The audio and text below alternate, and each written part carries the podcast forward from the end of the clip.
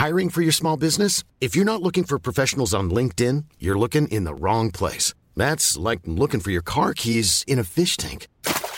LinkedIn helps you hire professionals you can't find anywhere else, even those who aren't actively searching for a new job but might be open to the perfect role. In a given month, over 70% of LinkedIn users don't even visit other leading job sites. So start looking in the right place. With LinkedIn, you can hire professionals like a professional. Post your free job on linkedin.com slash people today.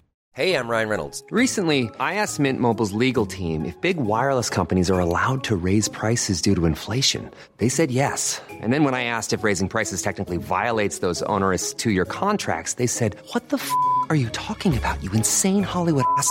So to recap, we're cutting the price of Mint Unlimited from $30 a month to just $15 a month. Give it a try at mintmobile.com slash switch. $45 upfront for three months plus taxes and fees. Promo rate for new customers for limited time. Unlimited more than 40 gigabytes per month. Slows. Full terms at mintmobile.com.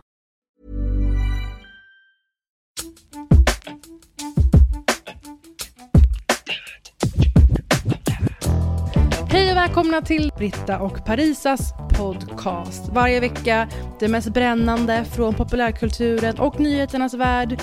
Välkomna!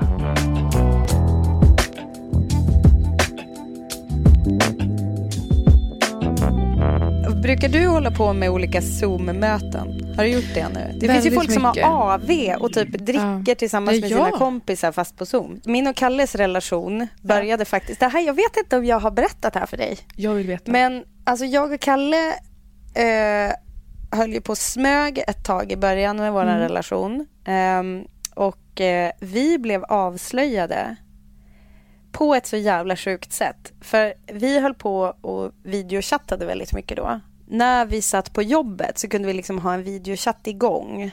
Eh, och så vi kunde titta på varandra fast vi typ satt och grejade med datorn. Alltså det var som att, så här, för att vi hade kontorsjobb då, så då kunde man ju sitta skitlänge och typ skulle skriva någon jävla broschyr eller någonting. Då var det bara ganska mysigt att han satt och höll mig i sällskap och ingen såg för jag hade så här, mitt skrivbord i ett hörn så ingen kunde se för men, det lyser en liten lampa att ens video är igång.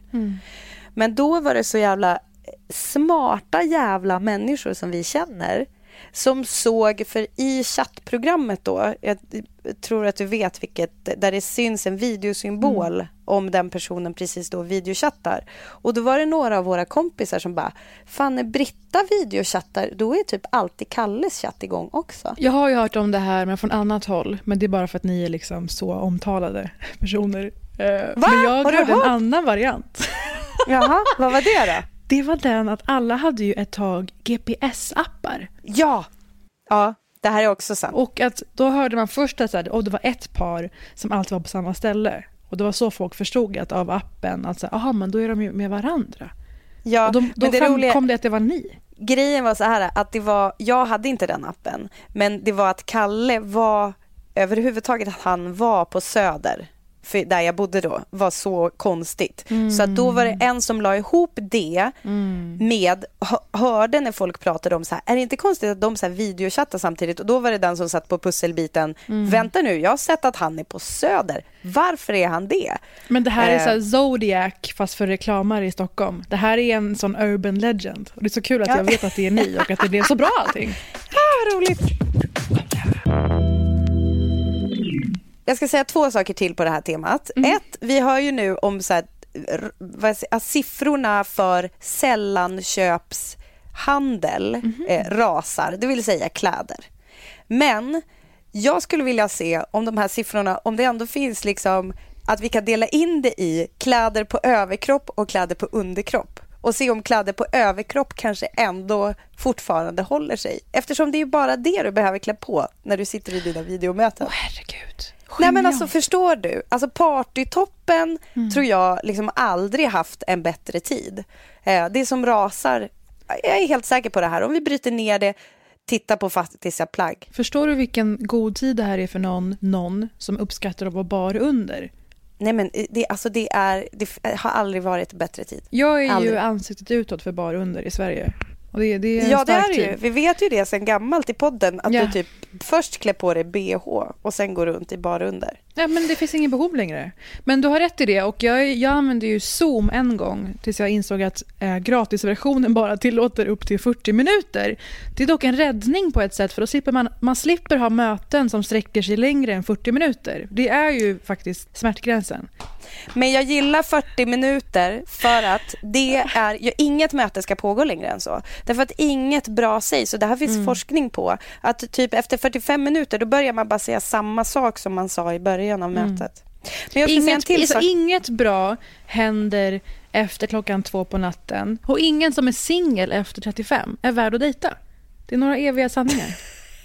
Oh my god, det var hårt. Apropå det kan vi tipsa om den här eviga artikeln som Juna Barnes har skrivit. Nothing amuses Coco Chanel after midnight. Eh, sen så måste jag säga en till sak om det här med videomöten innan vi går vidare. Och det är att jag var med om mitt första, för att jag har ju inte ett sånt jobb. Jag har nästan tyckt att det är väl lite så här spännande och exotiskt med människor som har såna jobb att så här, nej men jag får träffa mina kollegor fast jag sitter hemma för att vi umgås över internet. Eh, men äntligen så fick jag var med i den klubben igår när jag gick en kurs och jag behöver inte, jag har redan sagt till dig vad det var för kurs. Det handlar om skogsbruk, absolut. Eh, det var jättekonstigt att jag gick den, men det som var så otroligt spännande som jag alltid tycker är kul med kurser och det är en annan grej, en annan spaning är ju att det här med att kurser kommer ju liksom öka markant. Det är inte, jag är inte, alltså det är inte min spaning. Det här är, har kommit siffror på att aldrig har folk signat upp sig så mycket på eh, kurser på universitet och så vidare. Det har varit en, eh, alltså det är typ all time high nu för höstens kurser.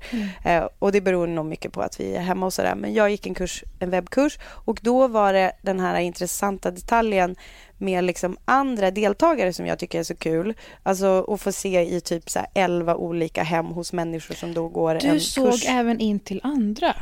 Ja, för de hade inte fattat att de inte skulle ha videon på på sig.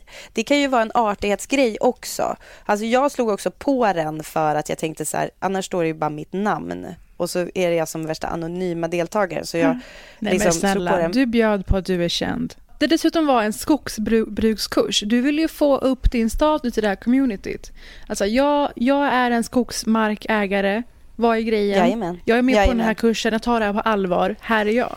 Här är jag medans jag, jag fick liksom ta ut datorn för på grund av olika orsaker så var Kalle inte hemma trots att han skulle vara det. Så han var tvungen att åka med en valp till veterinären, men det är liksom en helt annan historia. Men då eh, så stod jag alltså och vaggade ett barn i en vagn utomhus samtidigt som alla andra satt liksom vid sina skrivbord och det var sånt jävla spektakel. Och det kändes så jävla typiskt att jag inte bara kan, kan jag inte bara signa upp på en jävla kurs och gå den som vanligt folk utan det måste bli som ett jävla spektakel. Bara kolla här kommer hon och det är typ innehåll hon håller på med liksom, samtidigt som hon går en jävla kurs. Ja, men det, Eh. för dem är det hög status. Du är ute i markerna. Du tar det på allvar. Det som hände på kursen var i alla fall att en människa förstod inte att hans mick var unmutad. så att han, då utspelar sig liksom ett samtal när hans fru kommer in och är arg för en grej som hon har hittat i bilen. ja, den låg i bilen! Den här låg i bilen! Varför har, den, har du glömt den i bilen? Och, och det blev sånt jävla hallå. Och har du någon aning också- vad det kan ha varit? Nej, jag tror att det var något mög. Alltså något som har legat och blivit dåligt. Och eh, det var liksom det, det, det som utspelar sig. Och då skulle jag vilja efterlysa, alltså jag tänker som att folk Sånt här spelas ju in och snart så anar jag en ny rörelse med så här outtakes från Zoom-samtal, du vet, Ja, saker har gått gud. snett. Och det, är ju, det finns ju en video som cirkulerar nu som jag tror att väldigt många har sett som är så här eh, typ when your wife has a job and you don't och så är det en som går runt med ett hästhuvud i bakgrunden. Har du sett den här? Det är en Nej. TikTok. Ja, det är en TikTok-grej och jag tycker inte att den är så jävla kul för den är så uppenbar setup på något sätt. Att det är Jaha. någon som sitter och jobbar i förgrunden och så är det en som dansar runt med ett hästhuvud i bakgrunden och typ snubblar. Nu ska jag kolla på den. Så vi... Ja. Men den kan ni titta på. Den, är, den är ju, kan vara LOL. Men i alla fall, eh, den, den typen av videor fast liksom mer kanske äkta scener eh, hoppas jag kommer komma loss inom snar framtid. Det blir ett intressant tidsdokument. Vi såg i veckan, det är det här med forskare som är med. Eh, förut så kom ju det här klippet på en man vars barn kom inspringandes i bakgrunden. Hans fru fick i panik riva Ja. ut dem och hon lät mer än vad de gjorde från början. Sen Ja. har vi det här som kom i veckan. En forskare är med på amerikansk tv sitter hans katt och rensar ut sitt rövhål ordentligt i bakgrunden. Det kommer ut på Britta och Parisa på Instagram. Och så i veckan fick vi äntligen vår första videointervju med Anders Tegnell hemma hos honom. Då har folk gått loss på att spekulera i bakgrunden vad man ser där. Eh, Ja, alltså kan vi anonymt. tala om detta? Jag skärmdumpade för att jag ville eh, skicka till dig här. Eh, har du någon teori om vad jag kommer att ta upp? Ingen. Spjutet. Spjutet ovanför fönstret. Jag tror att spjutet har, har undgått alla.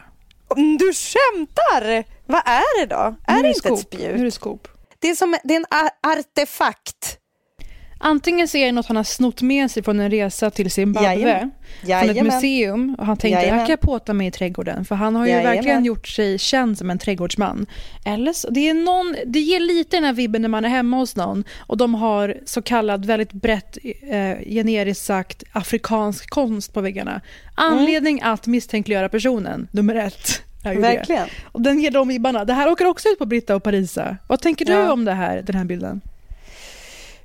Alltså precis som du säger, jag, jag tror så pass mycket om honom att jag tror, det här har han inte köpt i liksom någon giftshop på eh, Kapstadens flygplats. Utan Nej. det här, är, det här är något som är the real deal.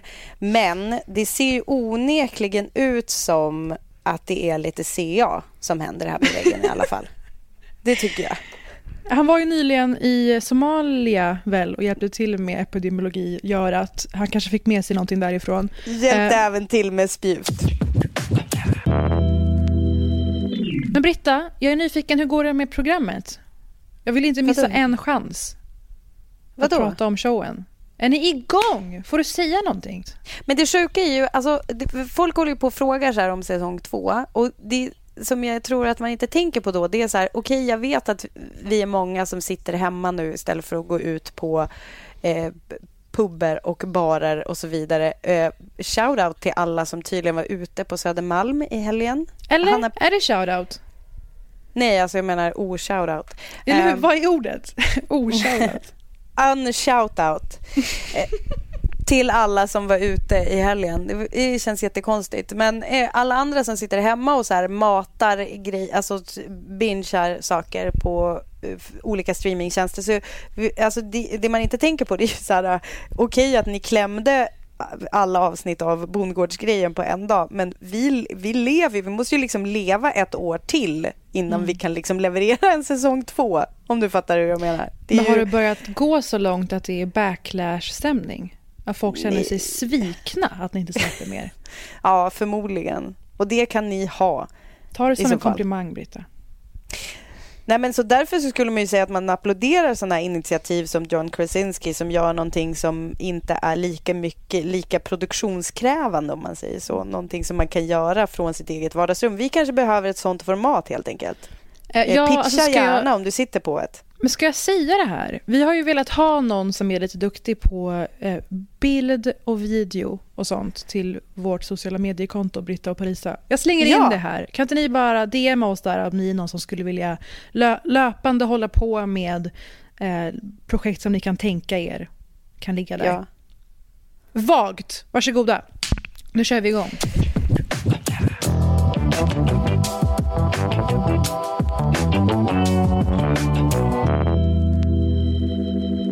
Jag såg att du delade ehm, det här med Trumps eh, supporters som går ut och protesterar mot eh, karantän. Det är så dumt! Det är så dumt och det är samtidigt, eh, precis som du ringade in, alltså man hade typ inte kunnat hitta på det här. Det är liksom det är som komedi eh, utspelas i verkligheten och också är potentiellt farligt. Men liksom. så här, en person ståendes utanför, alltså det här är ju perfekt. Ståendes utanför en donutkedja, blir det mer amerikanskt, med en amerikansk flagga har hon ett plakat där det står “Give me liberty” or “Give me death”. Och man bara, ja. Ja. det är exakt det det här handlar om. Det är de bara två- det du har att välja på. Du har en uppsjö av donut-alternativ, men här är det bara de här två alternativen du har.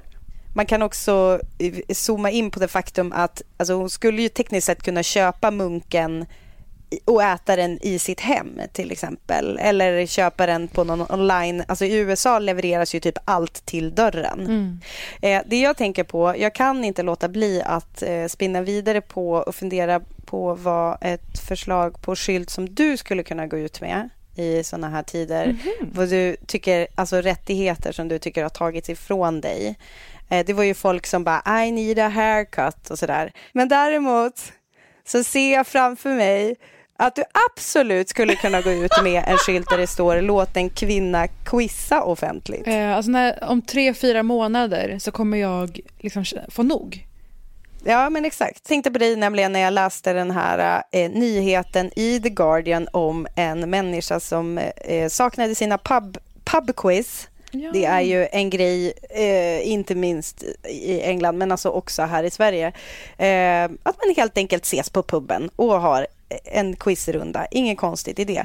Men då var det en människa som hette, eh, han heter fortfarande, eh, en människa som heter Jay Flynn eh, ville då liksom organisera ett virtual pub quiz. Alltså han postade på Facebook att han skulle ha ett pub quiz. Ehm, och eftersom han inte är så bra på sociala medier så hade, råda, råkade han sätta den på public. Han skulle göra det här bara för sina vänner. Eh, och då så när han tittade till den här, det här eventet nästa gång så hade han fått 30 000 deltagare. Ja, eh, på sitt virtual pub quiz. Eh, och nu varje torsdag kväll eh, så eh, hostar han the virtual pub quiz och 155 000 människor tunade in senast. Otroligt kul. Jag söker upp det här nu och kommer nu ägna mitt liv åt att någon gång vinna. The virtual. Ja, och kan inte du attenda det här och så kanske du kan, alltså den här eh, liksom fame and fortune som, eh, som du kanske är lite snuvad på nu för tiden så kan du om du gör, gör bra ifrån dig på det här pubquizet så ja, det blir ju i alla fall en tidningsrubrik känner jag. Nu jävlar.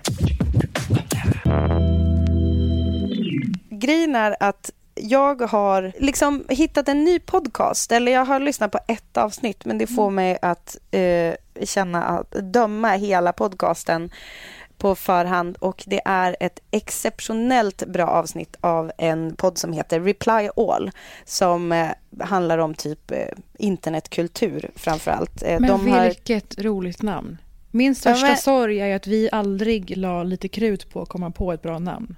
Det här avsnittet heter The Case of the Missing Hit och den har liksom känslan av ett true crime avsnitt. Fast det handlar om popkultur. So this week, our listener with an unusually thorny technical problem is a guy named Tyler Gillette. I was leaving a dinner party with with my wife. I think it was a a, a holiday party, and um, I had had I had had a couple of beers, and we're driving back to our place. And as I tend to do, you know, I'm trying to get her attention, make her laugh, and I'm singing this song that's stuck in my head. And she's asking me like, "What is this? What is this weird song you're singing?" And so I was like, "You don't know this song?" This is like a huge thing in the 90s. I can't believe you don't know this song. So I pull my phone out to try to find it so that I can put it on Bluetooth and we can listen to it on the drive home. And I can't find a single lyric to this song. I can't figure out, you know, who made it. I, nothing, no information uh, anywhere on Google about, about this song. Grejen är då att det här podcastavsnittet, jag ska inte ge bort för mycket. Eh, det är det är så jävla bra. Eh, och det blir då att han går till ganska eh, desperata åtgärder kan man säga för att försöka lösa det här mysteriet med den här eh, hitten som han kan typ en hel vers och eh, själva eh, vad heter det, refrängen på men den går inte att hitta någonstans och det finns typ ingen annan som känner igen den.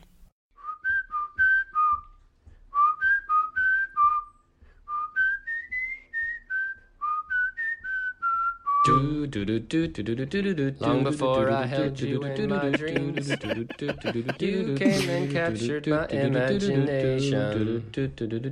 Though some things are never what they seem, I never have Så frågan är ju då, har han kanske bara hittat på den eller är det en hit som för alltid har raderats?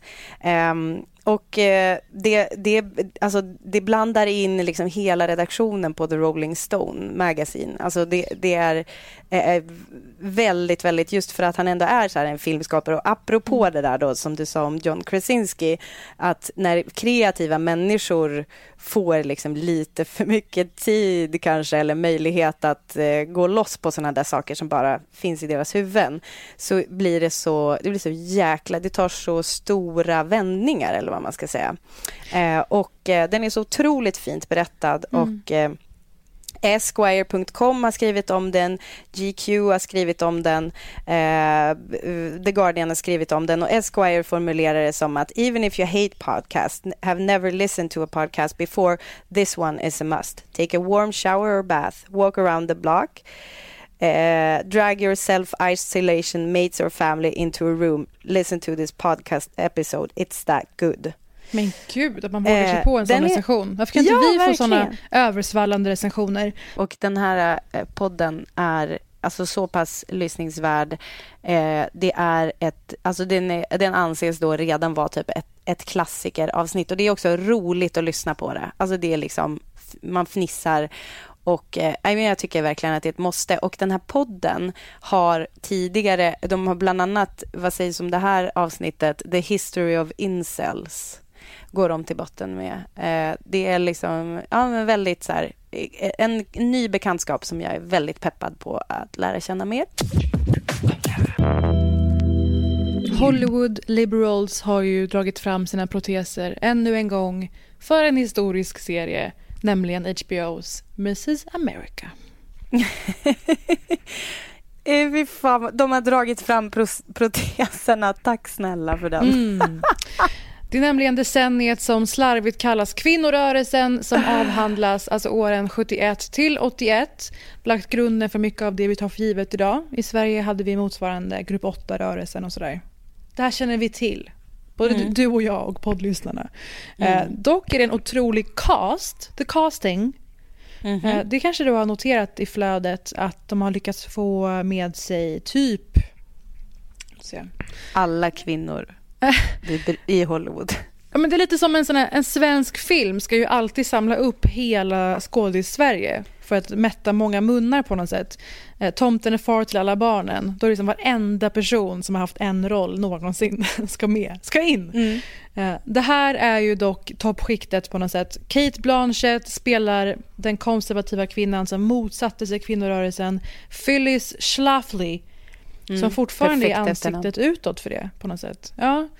Eh, och sen har vi Rose Byrne som Mm. vi ju känner till kanske allra mest för Bridesmaids. Japp. Där var hon den fruktansvärda nya bästisen till Mm. en kompis. Och det kan man ju, ja. ja. Det har man varit med om. Och sen, eh, hon spelar då Gloria Steinem. Och Ja. det är både en av feminismens förgrundsgestalter men också poddens Ja, verkligen nämns eh, jämt, mer eller mindre. Och så spelar Uzo Aduba, som jag tror många såg i Orange is the new black. Hon spelar historiska Shirley Chisholm, som alltså är den första afroamerikanska kvinnan i amerikanska kongressen. Och sen har vi med till exempel Elizabeth Banks, Nisi Niecy Nash och liknande. De har kostat på sig. Och vi befinner oss i Nixon-eran. Och det är intressant för då kommer den här rörelsen som en motvikt egentligen. Att han då har fått med sig konservativa USA och de värdena. Det är en era som vi kanske sist nämnde kring eh, Hillary-dokuserien. Andra vågen av feminism där. Och såklart den backlashen som kom och som har kommit sen dess. Och nu tänkte jag gå igenom tre lite mer övergripande punkter i vad som jag ser som eviga sanningar utifrån den här serien. Jag fick ju förhandsvisningar på den och nu finns de tre avsnitten ute som jag såg när det begav sig. Så tre punkter på liksom eviga sanningar. Och jag vill bara lyfta ämnet för att få prata med dig om vad de här motsvarar idag. Så det kan du ha lite i bakhuvudet. Mhm. I mean, you know, the one thing I've got going for me is the feminists think it's settled. They- They're not expecting a fight. The other thing you've got going for you is uh, no one likes feminists. Not even liberals. Oh, that's true. They're no fun. Alltså det som är väldigt kul med det här, det är ju att, alltså är det, är det en komedi? För det är ju, jag tycker att det är lite svårt att avgöra tonen ibland, men det är liksom så jävla kul att det är, alltså det är ju skratt, skratt på det här. Det är skratt på det här, men jag tror att det är Ja. skratt på det här för att eh, För att du och jag tycker deppigt. att det är roligt. Ja, Att Ja. det är skrattretande, att det är Exakt. så löjligt och sant och Det är min bästa genre, accidental comedy. ur historia, historiska skeenden. Väldigt nischat. Det var punkt ett. Nu är det dags för punkt två. Miss Steinem, can I ask you one last question, if you don't mind? Uh, Betty Friedan, in a speech yesterday, said, quote, Gloria has never been part of the organized women's liberation movement. The media tried to make her a celebrity, but no one should mistake her for a leader, end quote. Any comment? If I have a lot of problems with my being a leader in the women's movement, I'm sure she has a lot more. But we need a face, a pretty face. Is that my only value to the movement? No, we need your tits and ass too. I don't want people listening to me just because I have a pretty face. I would love it if people listened to me because I have a pretty face, then I wouldn't have to shout. Who cares why they're listening? They're listening. You think Kennedy agonized over whether he beat Nixon because of his looks? No, he thought, I can't believe I get to be president and stood up Marilyn Monroe. Även feminister hatar feminister. Mhm. Evig sanning. Och de här klippen var alltså från releasefesten på Guggenheim för Miss Magazine som alltså var den första feministtidningen frontad av just Gloria Steinem. Jag tror att du, Britta, också kanske ser det att de har valt att porträttera Gloria lite som den tidens influencer på något sätt. Ganska glättig, ytlig persona ehm, som pratar på någon slags valley girl-engelska. Och det har de gjort av Ja. en anledning också. Eh, Det kanske man reagerar på om man ser det här och inte känner till det, men Gloria ansågs av många vara en glamour girl som bara anslöt sig till feminismen för att det passade hennes syften att bli känd. Och det är såklart ett sätt att försöka svartmåla och eh, dumförklara en kvinna i offentligheten. Det här har hemsökt Gloria eh, väldigt, väldigt länge och eh, det är en kul slump, det är inte en slump, men att jag har Nora Ephrons eh, essäsamling hemma som innehåller ett möte med just Gloria Steinem från 72. Oh. Nora Ephron är alltså en återkommande person i podden också som är manusförfattare, journalist, eh, gjort massa filmer. Vilka ska vi nämna? You've got mail, Ja, men jag tycker man ska söka på henne på sin, alltså sin bokhandel och Mm. bestäm, beställa hem lite novellsamlingar av henne. Harry mötte Sally och såklart novellsamlingarna och böckerna som Heartburn och liknande är essential. Heartburn är, alltså för alla som någonsin har separerat eller typ Mm. överhuvudtaget så här, lever i en relation skulle jag vilja säga, så här, läs Heartburn. Det Och otroligt, eh, otroligt kvick, rolig, klarsynt rap. Det är liksom, som vi sa förra veckan, allt man vill vara med sitt yrkesliv. Nora Ephron. Ja, Och- men jag älskar att du kan din Steinem så bra. För att gre- Mm. grejen är så här, jag, jag känner liksom inte riktigt att jag... Jag kan inte avgöra om det här är ett korrekt, en korrekt porträttering av henne.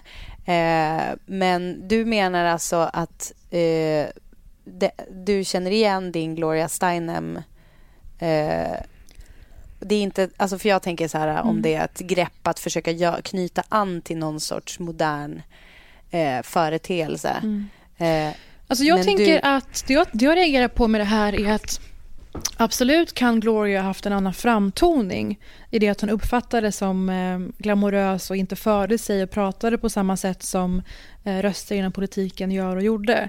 Men det jag menar på är att eh, tolkningen av det som oseriöst eller tolkningen av det som ointelligent, det är Mm. där patriarkatet ligger. Det hamnar vi Mm. direkt p-ordet. Ja, Men ja. eh, att hon man använder det mot henne på något sätt. Och idag har vi kommit längre med det att man har eh, gett fler personer utrymme i debatten och har andra krav på framtoning och att kvinnligt inte per automatik betyder korkat. Ja. Men då var det fortfarande så, vilket många gör nu också ju, att efterapa manligt beteende för att verka seriösa. Men det här med Gloria, Nora Men får jag bara säga en sak om det där? Alltså det där är ju, jag, jag skulle bara vilja lägga in en passus när det är så här efterapa ma- manligt beteende är ju också, alltså det, det är ju som en eh, balansgång där mellan vad, att vi breddar och får vara fler saker som kvinnor. Alltså är det att efterapa manligt beteende, alltså vad, vad lägger man i manligt? Alltså det, där tycker jag ändå att det finns eh, bra och dåligt. Alltså det behöver inte vara att man efter, efterapar något manligt utan mer kanske tar sig i rätten som kvinna. Ja, jag menar eh, det, alltså både utseendemässiga och hur man för sig och pratar. Och att det, där ligger det väldigt mycket historiskt i att vi vet ju det första gången en kvinna pratade i radio så blev ju Sveriges Radio nerringt med att vad är det här för vidrigt, jämt Ja. skrikande, hysteriskt. Och där ligger tolkningen och värderingen.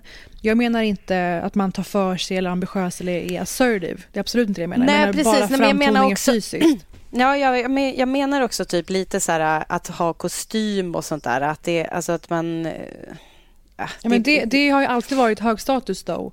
Jag läste en text för några år sedan om att androgynt till exempel Mm. används alltid som en positiv sak när det handlar om att kvinnor efterliknar typiska manliga attribut. Men Ja. sällan är det hög status när män approprierar vissa kvinnliga attribut. Och det tycker jag har med statusfenomenet att göra. Ja, verkligen. Men sen är det frågan, alltså det som jag bara...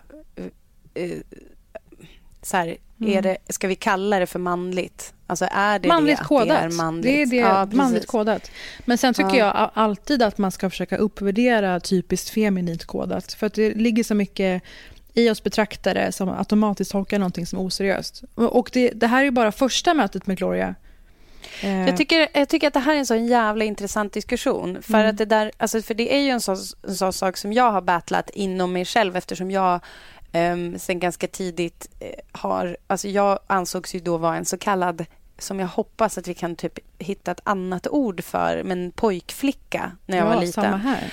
Eh, och det var, ju, alltså, det, det var ju mer, tror jag, för att jag kände att jag hade friheten att vara precis som jag var. Mm. Vilket då i vissas ögon innebar att jag var pojkflicka. Mm. Vilket är så jävla konstigt. att ha, Då har jag plötsligt inte typ 100% rätt till mitt eget kön. Eller liksom, Mm. jag är inte... Det, det, den där konflikten, så jag blir alltid så här, jag bara studsar på när man säger att, att det är så här manliga attribut. För för mig är det eh, kanske mer att man inte behöver välja antingen eller. Eh, För, Men det är ju en jag- utopi. Sanningen är ju den att det finns manligt kodat och kvinnligt kodat. Väldigt Jo, precis, men- men det blir- det är liksom ju- reklam och sånt Men det är ju också damned if you do, damned if you don't. För att man Ja, anses ju inte vara hög status som tjej om man är en pojkflicka. Utan då är det så här, eh, fuck you typ, du ska rätta dig i ledet och vara som de andra tjejerna. Annars Ja, tycker vi att du är 100%. jättejobbig. Jag så att det är ju menar väldigt så här, att... Ja. Ja, men det är liksom en, en, det är en eh, väldigt intressant diskussion, tycker jag. Och eh, please continue. Alltså, jag, tycker det är, jag älskar att du tar upp det i det här, eh, alltså att hur, huruvida Gloria Steinem då var liksom sämre feminist för att hon var då typiskt kvinnlig. Ja, och eller? det är det, det är det jag syftar på framför allt, eller nästan Mm. bara. Vilka får utrymme i debatten och tar vi dem på allvar eller inte? Jag hatar ju när man avfärdar kvinnor för att de ger uttryck för vad som är typiskt kvinnligt kodat. Mm. Eh, och eh, det som Nora Ephron beskriver i sin essä Miami från 72, när det här var, som, eh, när det här var på tapeten. Every so often, someone suggests that Gloria Steinem is only in the women's movement because it is currently the chic place to be. That always Mhm. makes me smile because she is about the only remotely chic thing connected with the movement. Och det här skriver ju Nora med lite glimten i ögat för att göra ner de som använder det för att eh, motarbeta Gloria. Eh, och det här är bland det första vi ser av Gloria i serien. Och jag tror att det är placerat just där för att det ska få oss att bli nyfikna på henne. Att hon innehåller såna, för oss, eh, för oss är det en dualism på något sätt. Men som du säger, vad är det som gör att, att, det, inte skulle, att det skulle omöjliggöra hennes engagemang politiskt? Mm. Och det, jag tror att det väcker någonting i alla som ser det här. Jag hoppas det i alla fall. Den här kvinnan som kritiserar Gloria är alltså Betty Friedan. Jag vet inte om alla känner till sin feministhistoria, men hon skrev, kan jag säga lite kort, eh, The Feminine Mystique som blev eh, det som tände hela andra vågen inom feminism egentligen. Från att kvinnors enda syfte skulle vara att föda barn och vara hemmafruar så vågade Betty sätta ord på den gnagande känslan inom de här kvinnorna. Is this all? Är det här allt livet ska få innehålla och innebära? Det kan man kolla upp om man är nyfiken på det. Det Eh, låter helt underbart. Jag, vill- jag vill eh, också bara säga den där saken med Alltså det, det känner jag ju också relaterat till så jävla hårt. Att det Ja. är så här, man ska ansluta sig till eh, feministiska rörelsen för att det typ är coolt eller chic. Eh, och vilket är liksom så jävla ljug. Och det är också en sak som jag tror att eh, jag gissar att du också blir anklagad för det. Eller jag gör det i alla fall. Jag blir det väldigt ofta. Att det är så här PK ehm, PK-gänget. Att man liksom gör någonting bara för att det anses coolt. Och det enda som händer Mm. eh, i, för, alltså, om man råkar göra någonting som då enligt vissa koder som PK, det är ju bara att man får en massa skit för det. Så det, är ju, alltså, det är ju det är en så jävla klassisk grej och, och jag får lite så här... uh, Can't believe I still have to protest this shit-känsla. Mm. För att det är så här... Eh, jag blir så otroligt eh, deppig av att det är samma grejer som man höll på att protestera mot och eh, grejer med på alltså det som visas i den här Men tv-serien. det är ju på grund av det du är inne på. Att eh, stora röster i offentligheten gör ner kvinnor som är feministiska. Försöker Ja. misstänkliggöra dem med att men det här gör de bara för att få uppmärksamhet eller bli kända. Ja. Vi hör det i poddar som Alex och Sigge. Alltså det är så pass brett omfamnat, den antifeministiska agendan. Eh, och Gloria Steinem satte ord på det här i boken som jag citerar i varannat, varannat avsnitt som heter My Life on the Road. Vi har nämnt den förr. Där hon säger I was angry about the human talent that was lost just because it was born into a female body and the mediocrity that was rewarded because it was born into a male one. Och det pratar jag om då apropå eh, Betty Friedens feminin mystik. Så man förstår var den här rörelsen befinner sig. Det är i de här trakterna. Vad är kvinnor kapabla till? Vad ska kvinnor ha för frihet i sina liv? Det blir någon slags hemmafru kontra frihet och med allt ansvar den friheten kommer med. Men det här Ja, men- då, ska vi prata om feminister som hatar feminister? Ska vi inte bara Mm. göra det? Gärna. Jag tror att vi har velat göra det ganska länge. Men får jag bara säga en sak, Ja. en, ett tillägg till. Alltså, en grej bara apropå det där med att vi fortfarande håller på att tjafsa om samma grejer som man gjorde då. Det är ju att eh, den, här Equal Rights Amendment som de höll på och försökte få igenom, den är ju Mm. fortfarande inte genomklubbad. If my, eh, eller hur? Exakt. Ja. Alltså den är ju, den, det är ju fortfarande, alltså att kvinnor, att Equal Rights Amendment ska handla också om kön. Att man ska ha samma rättigheter och det har liksom inte lyckats. Det har inte kommit Nej, någon vart. Men och nu också i eh, coronatider så har vissa ledare försökt använda det för att eh, få ner kvinnors rättigheter, få bort aborträtten och så vidare. Så man måste alltid vakta om, värna om feministiska värden. Eh, det här med feminister som hatar andra feminister. Mm. Alltså en del av mig vill sällan eller aldrig ge, dels ge dem luft, dels inte spela med. Det har varit min approach väldigt, väldigt länge. Att jag känner att bara genom att jag fångar upp den här kroken de slänger ut eller den här uppenbara trollkommentaren i någon podd eller någonting.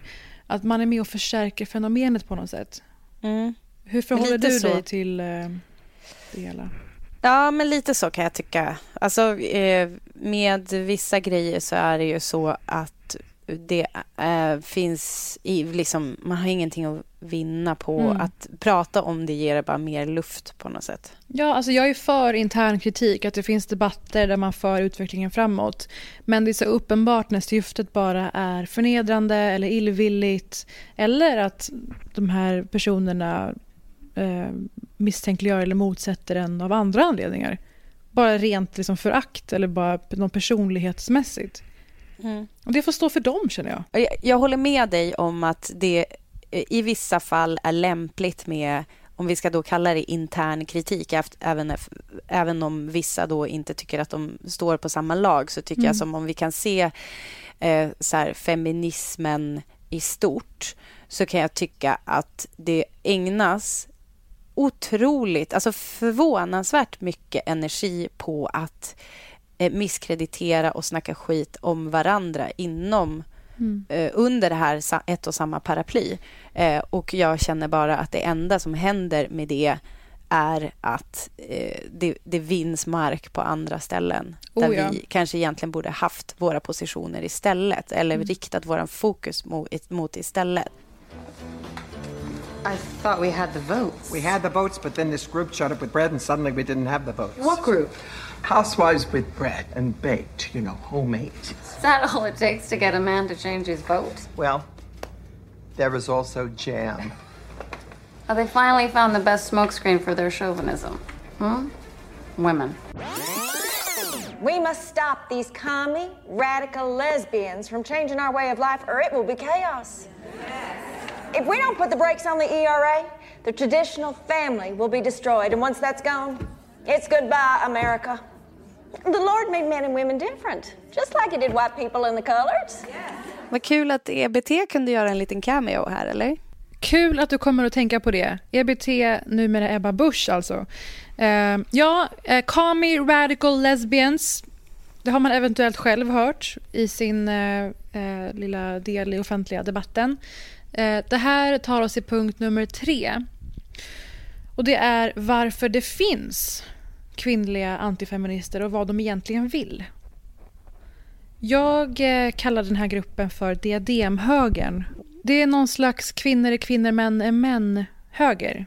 Mm. all höger är ju inte sån, såklart. Eh, men det som har hänt här alltså är att när ERA, alltså Equality Rights Act, ska klubbas igenom så har några konservativa kvinnor fått nys om det här och har organiserat en motaktion på själva röstningen. Mm. Då kommer de dit med sitt största vapen, vilket är hembakat bröd. Otroligt stark scen, tycker jag. Och eh, den andra, det andra klippet med Call Radical Lesbians är då den amerikanska söderns eh, förgrundsgestalter inom antifeminismen som mm. då klumpar ihop det här med att det har med, alltså liksom svartas eh, nya rättigheter så är det här en fara för landet. Och de rörelserna brukar hänga ihop, vilket jag tycker är ganska intressant. Mm. Just de som är, det blir pro, inte pro-rasism, men de är inte pro-antirasism, om man säger så. Och eh, när jag då funderar på varför det finns kvinnliga antifeminister, det är en fråga som inte är för långt ifrån varför det finns feminister som hatar andra feminister. För många av de här kan ju utåt sett eh, ibland säga att de är för jämställdhet lite vagt. Det händer ju. Mm. Och eh, jag tror att vi gör ett misstag i att så förakta och avfärda den rädslan som någonstans finns i de här personerna. För det är ju ändå kvinnor som... Eh, alltså jag vill hjälpa lika mycket som kvinnor som tror på det man säger. Mm. Och eh, om man verkligen tittar på det här så kan jag först känna att den här serien är alldeles för färgad av uppenbara slagsidan här av åsikter från Hollywood liberals. Det är väldigt färgat att vi ska förstå att den och den är demonisk och hjärtlös och hit och dit. Och, eh, men jag vill verkligen förstå varför det finns en motrörelse. Och det är vissa få stunder det finns någon slags empati kring varför de här kvinnorna jobbar så hårt med att eh, få bort kvinnorörelsen. Och det är ju, I deras fall så var det för att de såg det som att de skulle bli av med skydden som fanns för hemmafruar i form av underhåll och barnbidrag och så vidare. Ehm, och Britta, vi har ju varit med om att eh, ja, en viss falang av äldre kvinnor, inte alla, vi har jätte, jätte, jättemånga som också är väldigt fina mot oss, uppmuntrande, men en viss falang blir väldigt provocerade när yngre kvinnor tar till orda. Vågar göra ja. saker som de inte vågar göra. Och det tror jag, om man är uppfostrad med de här tongångarna och den här mentaliteten kan du förstå, alltså du har blivit uppfostrad med att du är till för en sak och att det en dag slutar vara värt någonting jag tycker det finns flera saker här. Dels, dels det du säger, att man är uppfostrad med att det är på ett visst sätt och så ska det nu inte vara sant längre. Men sen så tror jag också att det finns en ehm, rädsla också för, jag vet inte om det här är för lång tid och spår, men så här, att man inte då ehm, kan också tycka om män. Eller liksom att man inte kan... Eh, att man måste ifrågasätta allt med sin heterorelation. Eller Mm. att man... Alltså att... Eh, så här, nej men... Det, det, jag tycker lite att det är samma personer som bara, nej jag är inte feminist för jag hatar Just inte män. det, just det. Eh, för att, och att man inte liksom att båda sakerna kan finnas. Att det betyder inte att man ska göra ner män på något sätt och det betyder inte att du måste sluta hänga med dina killkompisar. Mm. Det är liksom inte det. Och jag tycker samtidigt som när du börjar prata om när, när du pratar om den här eh, viljan att förstå så tycker jag för min del så finns en viss del av min förståelse hos Alltså för att jag lite grann har varit sån att jag typ ville alliera mig med killarna och Mm. därmed snacka skit om tjejerna. Mm. Därför att det, det är på många sätt mycket roligare att eh, vara på killaget på något sätt. För att de har ju tillgången till allt. De får bete Ja. sig hur de vill, de har alla friheter. Ehm, Och, och genom dem, och så tror man liksom lite falskt att man genom dem kan få samma rättigheter och så vidare. Men det får man inte, för man är aldrig en likvärdig medlem. nej. Eh, och det här låter ju jävligt deppigt, men det, alltså, jag tror att det, det här är en ganska viktig sak att liksom erkänna. Och det var faktiskt en snubbe som sa det till mig eh, första gången eh, som faktiskt var som ett slag i magen. Fast det var, han sa det bara så här lite casually som ett skämt. Eh, det var en kollega till mig som jag var väldigt tajt med som bara, alltså du, du, du tro, te, tror liksom att du är på killaget men du kommer liksom aldrig vara med i killaget. Typ ha ha ha. Mm. Och det, är, det var verkligen så här, för mig vändes hela livet typ i 180 och bara nej just det, det alltså jag måste tjejlaget är det som alltid kommer omfamna mig Mm. hårdast. Det är det som det är där jag har mina likar och det är där jag det är de jag måste kämpa för och jag kan inte vända dem ryggen om jag vill ha varaktig förändring liksom, i samhället och i Ja. min egen Men du, klick. du kommer in på det här med förhållningssättet till män. Och Det har ju såklart varit en av de sakerna som derailar debatten. Eh, och Det är också ett spår i den här serien där vi ser det på både vänsterfalangen och Glorias egen relation med en man som eh, är feminist. Eh, men också det att, som du säger, om vi ska dra det här till en samtida parallell så finns det ju såklart antifeminister som gör sig relevanta och avancerar just på att motarbeta andra kvinnor. Exakt. Ingå i förnedringen, att svartmåla andra kvinnor. Och det är Men för att gå det, killars ärenden. Och det är för jag. att det är hög, hög status. Inte bara Ja, i samhället vi- men också bland män. Jag tror att vi tänker på eh, några tongivande personer liksom, på diverse... Absolut. Eh, för att det är så man får mäns uppmärksamhet och mäns erkännande. Och än så länge så är det de som sitter på de flesta maktpositioner och kan rekrytera till det ena och det andra, produktioner, projekt och allt vad det är. Och eh, det är ju en fälla man riggar åt sig själv på något sätt. Ja, verkligen. Alltså, det är klart att det är roligare att säga så här... Fan vad liksom... Vilka dumma alltså, horor. Ja. Alltså att gå emot...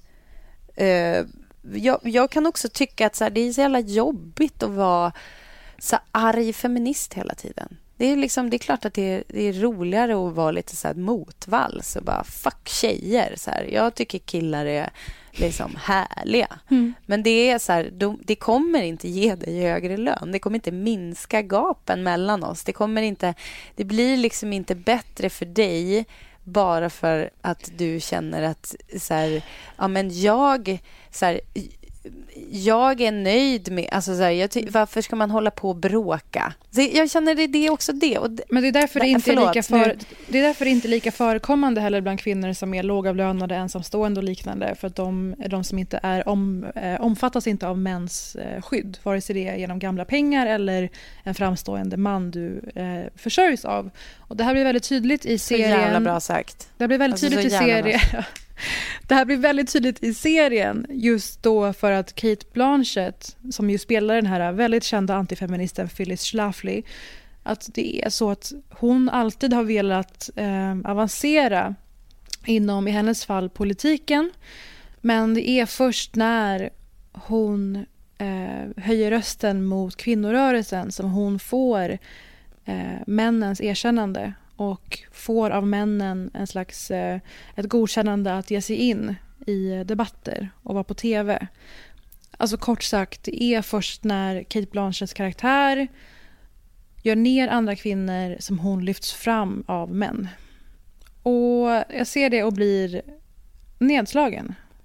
Jag kan, jag kan inte ens eh, skratta. Mm. Och det är för att vi såklart lever i det här. Det pågår en jättebacklash mot allt vad feminism och jämställdhet, mänskliga rättigheter heter.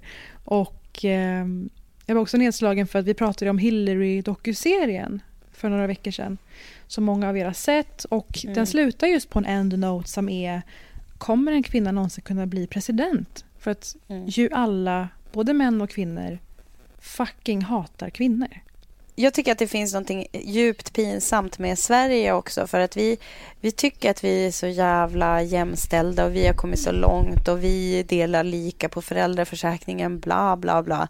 Mm. Men vi har ju inte lyckats producera en framstående politiker eh, som får vara just politiker i första hand mm. och inte liksom och, och som, vi har ju inte fått någon till en ledande position, en person som kan leda vårt land, som är kvinna. Mm. Alltså, vi är ju... Nu börjar ju vi bli pinsamt efter på den grejen. Alltså jämfört med våra nordiska grannländer, inte minst, men liksom i världen. Typ. Mm. Och ett problem med att vi någon, vid någon punkt kom fram till att Sverige är det mest jämställda landet i världen, att det har dämpat av all utveckling och all debatt. Så fort man försöker lyfta det här så får man, eh, eh får man mothugg i form av vad då gå och bo i Saudi istället? Ja, för det mm. var det som var alternativet. Ja, precis. Ja. Eh, freedom or death. freedom Donuts att köpa min nothing. donut eller dö. Ja, det här var i alla fall Mrs America kvinnohatsläxor från den här serien på HBO. Det finns tre avsnitt ute. Den är som sagt väldigt färgad av Hollywood liberals men eh, i stort och gott ändå ett vettigt tidsdokument och kul att se om man vill ha lite bättre koll på historien.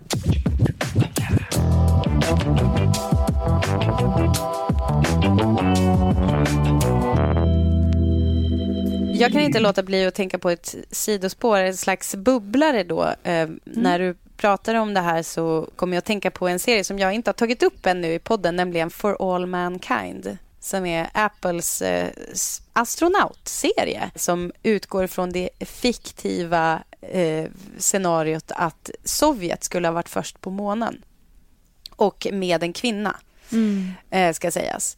Och eh, det föder då att ett gäng eh, kvinnoastronauter raskt ska fostras i, på NASA. Och eh, i den här serien, som för övrigt eh, har Joel Kinnaman i en av rollerna, mitt mhm. frikort. Mm. Det är känt sedan gammalt. Det här är ju i en tidigare era än än 70-talet. Det här är ju typ 50-60-tal eh, där det är väldigt många hemmafruar. Man får bekanta sig väldigt noga med fruarna till de här stjärnorna, astronauterna som ska upp i rymden. Och då är helt plötsligt så, så när tables turn och det plötsligt är, måste hittas, vaskas fram en kvinna som ska upp i rymden tillsammans mm. med de här männen. Det, blir, alltså det är faktiskt en ganska intressant eh, det som händer där och den är stundtals liksom ganska blaha men den är ganska sevärd utifrån det perspektivet. Att men vad som händer när man fuckar med hemmafrurollen. Ja. ja. men den, den är värd att kolla in. Alltså, när kul. man nu har börjat komma på bottenskrapet av, i sina streamingtjänster så kan man ja, exakt.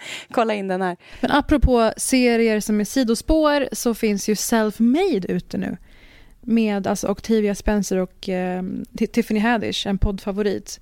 En kvinna som blir entreprenör och motståndet hon möter, den här har fått lite ojämn eh, kritik men är ett eh, fantastiskt tidsporträtt och kostymdrama såklart. Men det är lite osäkert där kring eh, spåret om kolorism. För mm. där menar man på att hon blev motarbetad för att hon var snäppet mörkare än eh, afroamerikanska kvinnor i den här industrin. Och det menar man på nu bara är påhittat för dramaturgin. Det känns lite ofräscht, tycker jag. Jaha, jag kommer ändå okej. se den för att stötta Octavia och Tiffany och för att jag är intresserad av det, den livserfarenheten. På Netflix. Eh, Parisa, du var ju på vårt bröllop, mitt och Kalles. Ja. Resultatet av idogt videochattande.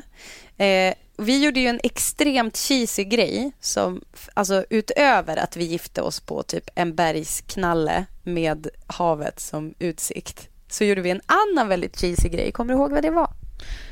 Nej. Vi... Det fanns en sång och som sjöngs. Och det var inte av mina bästa vänner Sara och Lovisa som sjöng Halo i a cappella under vigseln. Det var ju oförglömligt. Eh, utan jag och Kalle sjöng ju en sång till varandra. Men Britta, Kommer det du här, ihåg där? det- Britta, det här har jag inte i mitt, eh, mitt minne. Åh herregud, jag känner mig så lättad. Eh, du kanske var på toa då? Jag har varit någonting. utbränd två gånger. Mitt minne är Ja, inte vad det brukade vara. Det kan ha raderats. Men eh, eh, alltså, grejen är att jag och Kalle hittade på... Alltså det är jävligt oklart hur det här går från idé och passerar så många eh, liksom speed bumps där vi ändå bestämmer oss för att nej, men den, den här idén den lever liksom till slutet. Och eh, det är att vi sjöng, vi framförde Vänta, säger man framförde när man är riktig artist? Men Eh, kör vi framförde ett episkt nummer. Eh, nej, men våran bästa kärlekslåt som faktiskt håller eh, fortfarande så tycker jag att det är faktiskt smäller Halo på fingrarna något enormt när det handlar om romantik. För det är en låt som heter In spite of ourselves eh, som kanske tar upp liksom de, alltså så verkligheten i en relation. Att det finns en massa skit som man håller på med, som man stör sig hos, hos den andra. Eh, men det är ändå så här, vi, det är ändå vi. Och eh, det som, jag skulle ha tagit upp det här förra veckan därför att den personen som skrev den här låten och som spelar in den, John Prine gick tyvärr bort i corona. Ehm, och jag tycker att vi kan väl avsluta det här avsnittet med den låten för den är så fruktansvärt fin och liksom lite ful också. Och li- Som en bra relation ska vara, tycker jag. Men eh, apropå då människor som vi har förlorat nu så John Prine var väl typ, tror jag, den första typ kändis. Alltså han var ju inte särskilt känd heller. Eh, men för folk i countrysvängen absolut en av de största.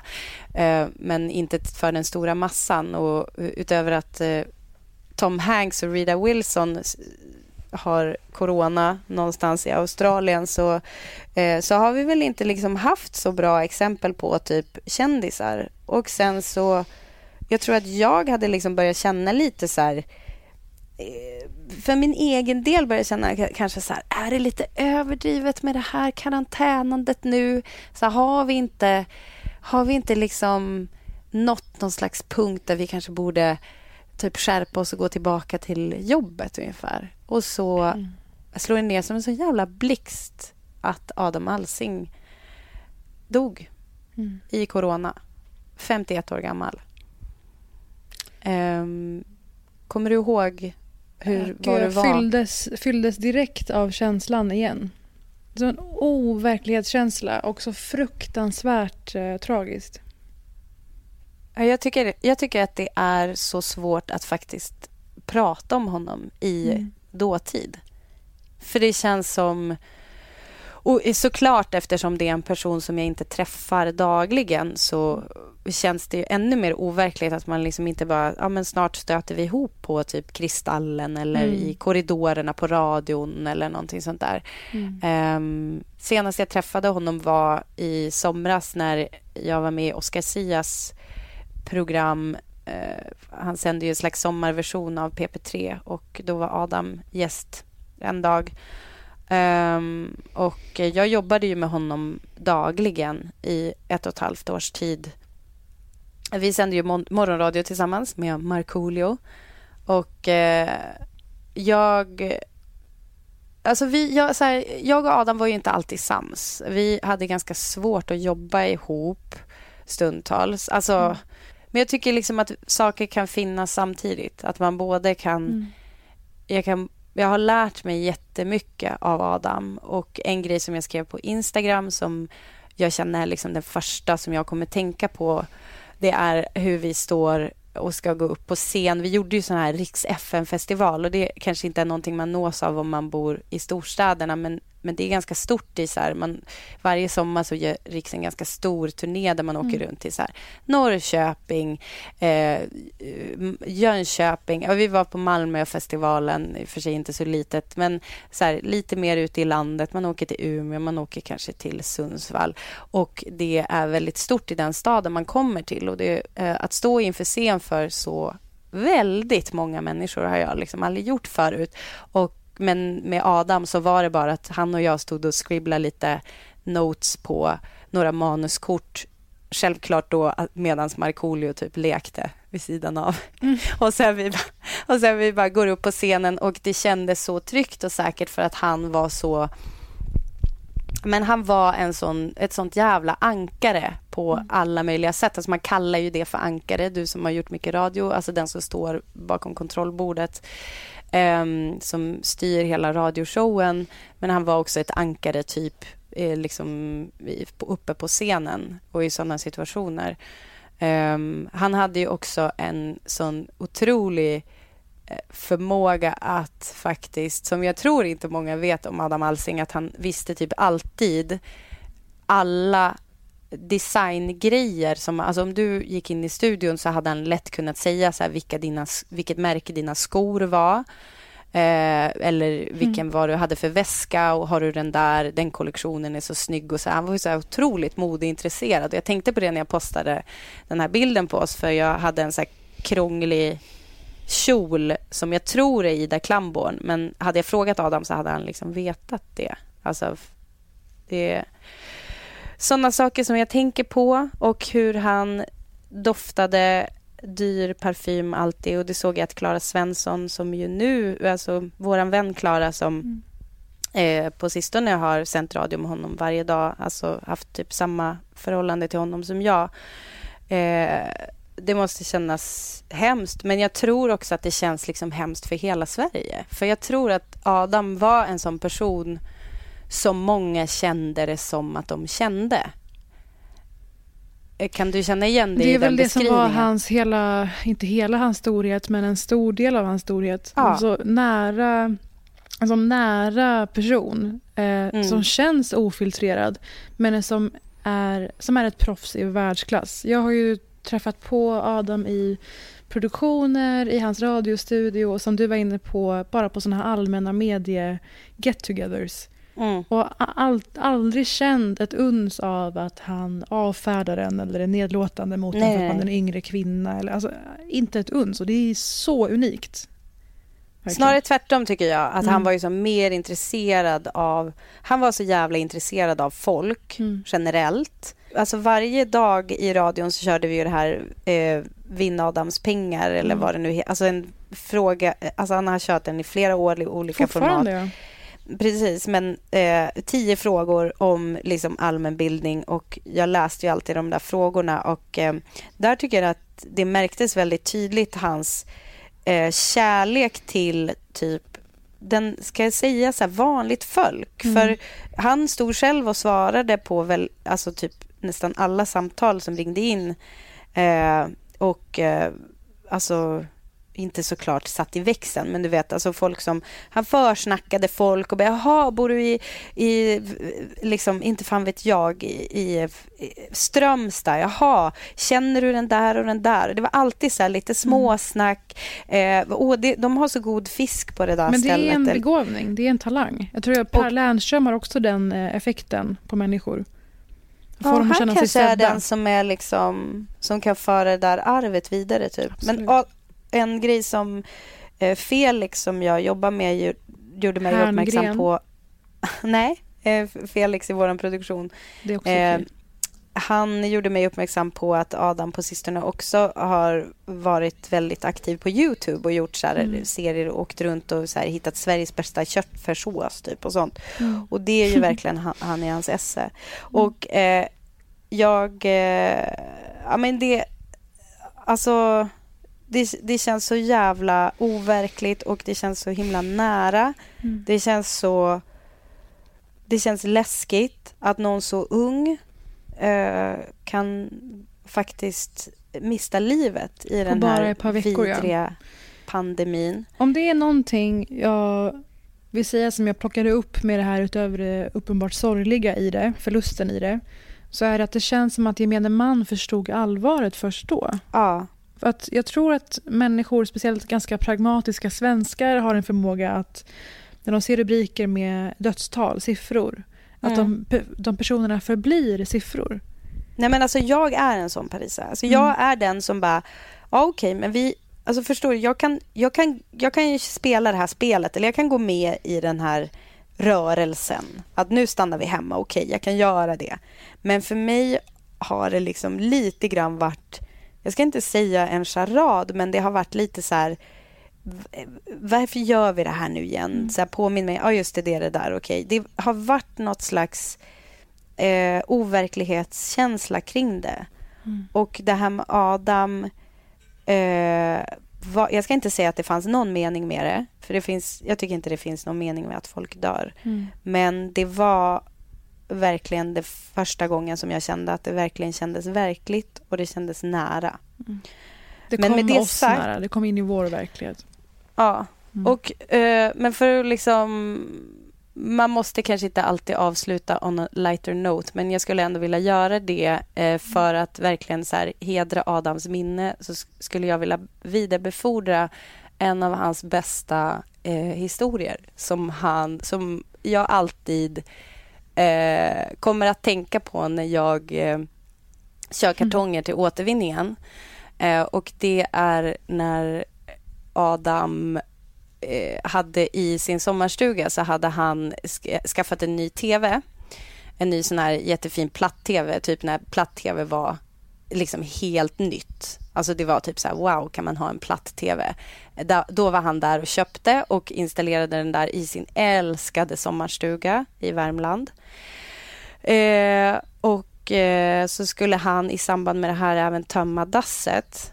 Alltså det här kan vara nivå, alltså nivån på den här är inte, den är inte jättehög. Men det, den, med värme minns jag det här när jag tänker på Adam. Eh, så tömmer han, ska han tömma själva latrinen, alltså vi vet ett torrdass. Liksom. Så har man en, man får typ en sopsäck med bajs. Eh, och var ska vi hälla det här bajset? Ja, men då hade han ju den här bra, eh, liksom, jättestora kartongen till tvn som han då fyllde med bajs och sen satte på, alltså typ på en släpkärra och så körde de iväg och skulle dumpa det där på någon, man får väl åka till något slags särskild... Jag tror att de åkte runt och försökte lista ut var de skulle dumpa den där, för jag tror inte att man får dumpa den någonstans. Det finns säkert en massa miljöklausuler kring, kring hur du får hantera ditt bajs.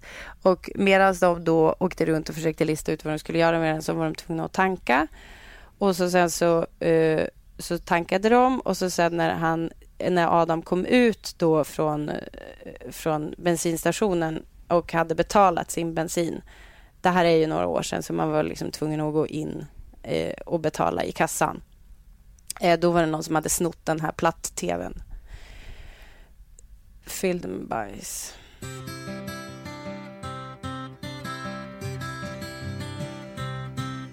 John Prine, In spite of ourselves, som är den mest romantiska låt jag vet. Vila i frid, John Prine.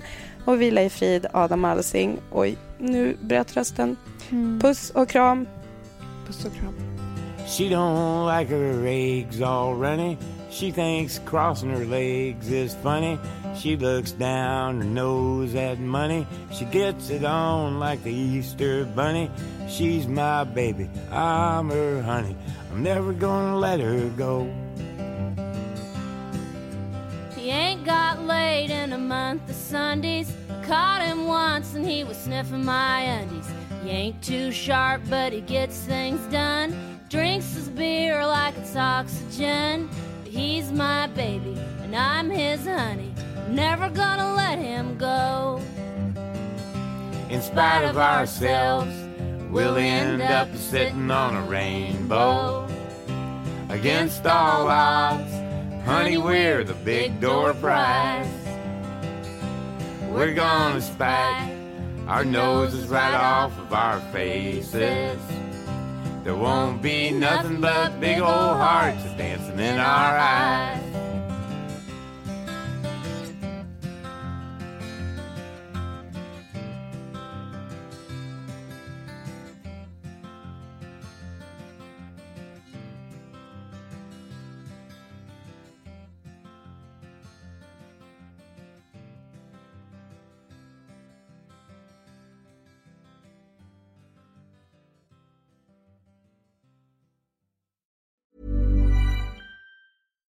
Hi, I'm Daniel, founder of Pretty Litter. Cats and cat owners deserve better than any old fashioned litter. That's why I teamed up with scientists and veterinarians to create Pretty Litter. Its innovative crystal formula has superior odor control and weighs up to 80% less than clay litter. Pretty Litter even monitors health by changing colors to help detect early signs of potential illness. It's the world's smartest kitty litter. Go to prettylitter.com and use code ACAST for 20% off your first order and a free cat toy. Terms and conditions apply. See site for details. Planning for your next trip? Elevate your travel style with Quince. Quince has all the jet setting essentials you'll want for your next getaway, like European linen, premium luggage options, buttery soft Italian leather bags, and so much more. And is all priced at 50 to 80% less than similar brands. Plus, Quince only works with factories that use safe and ethical manufacturing practices. Pack your bags with high-quality essentials you'll be wearing for vacations to come with Quince. Go to quince.com slash pack for free shipping and 365-day returns.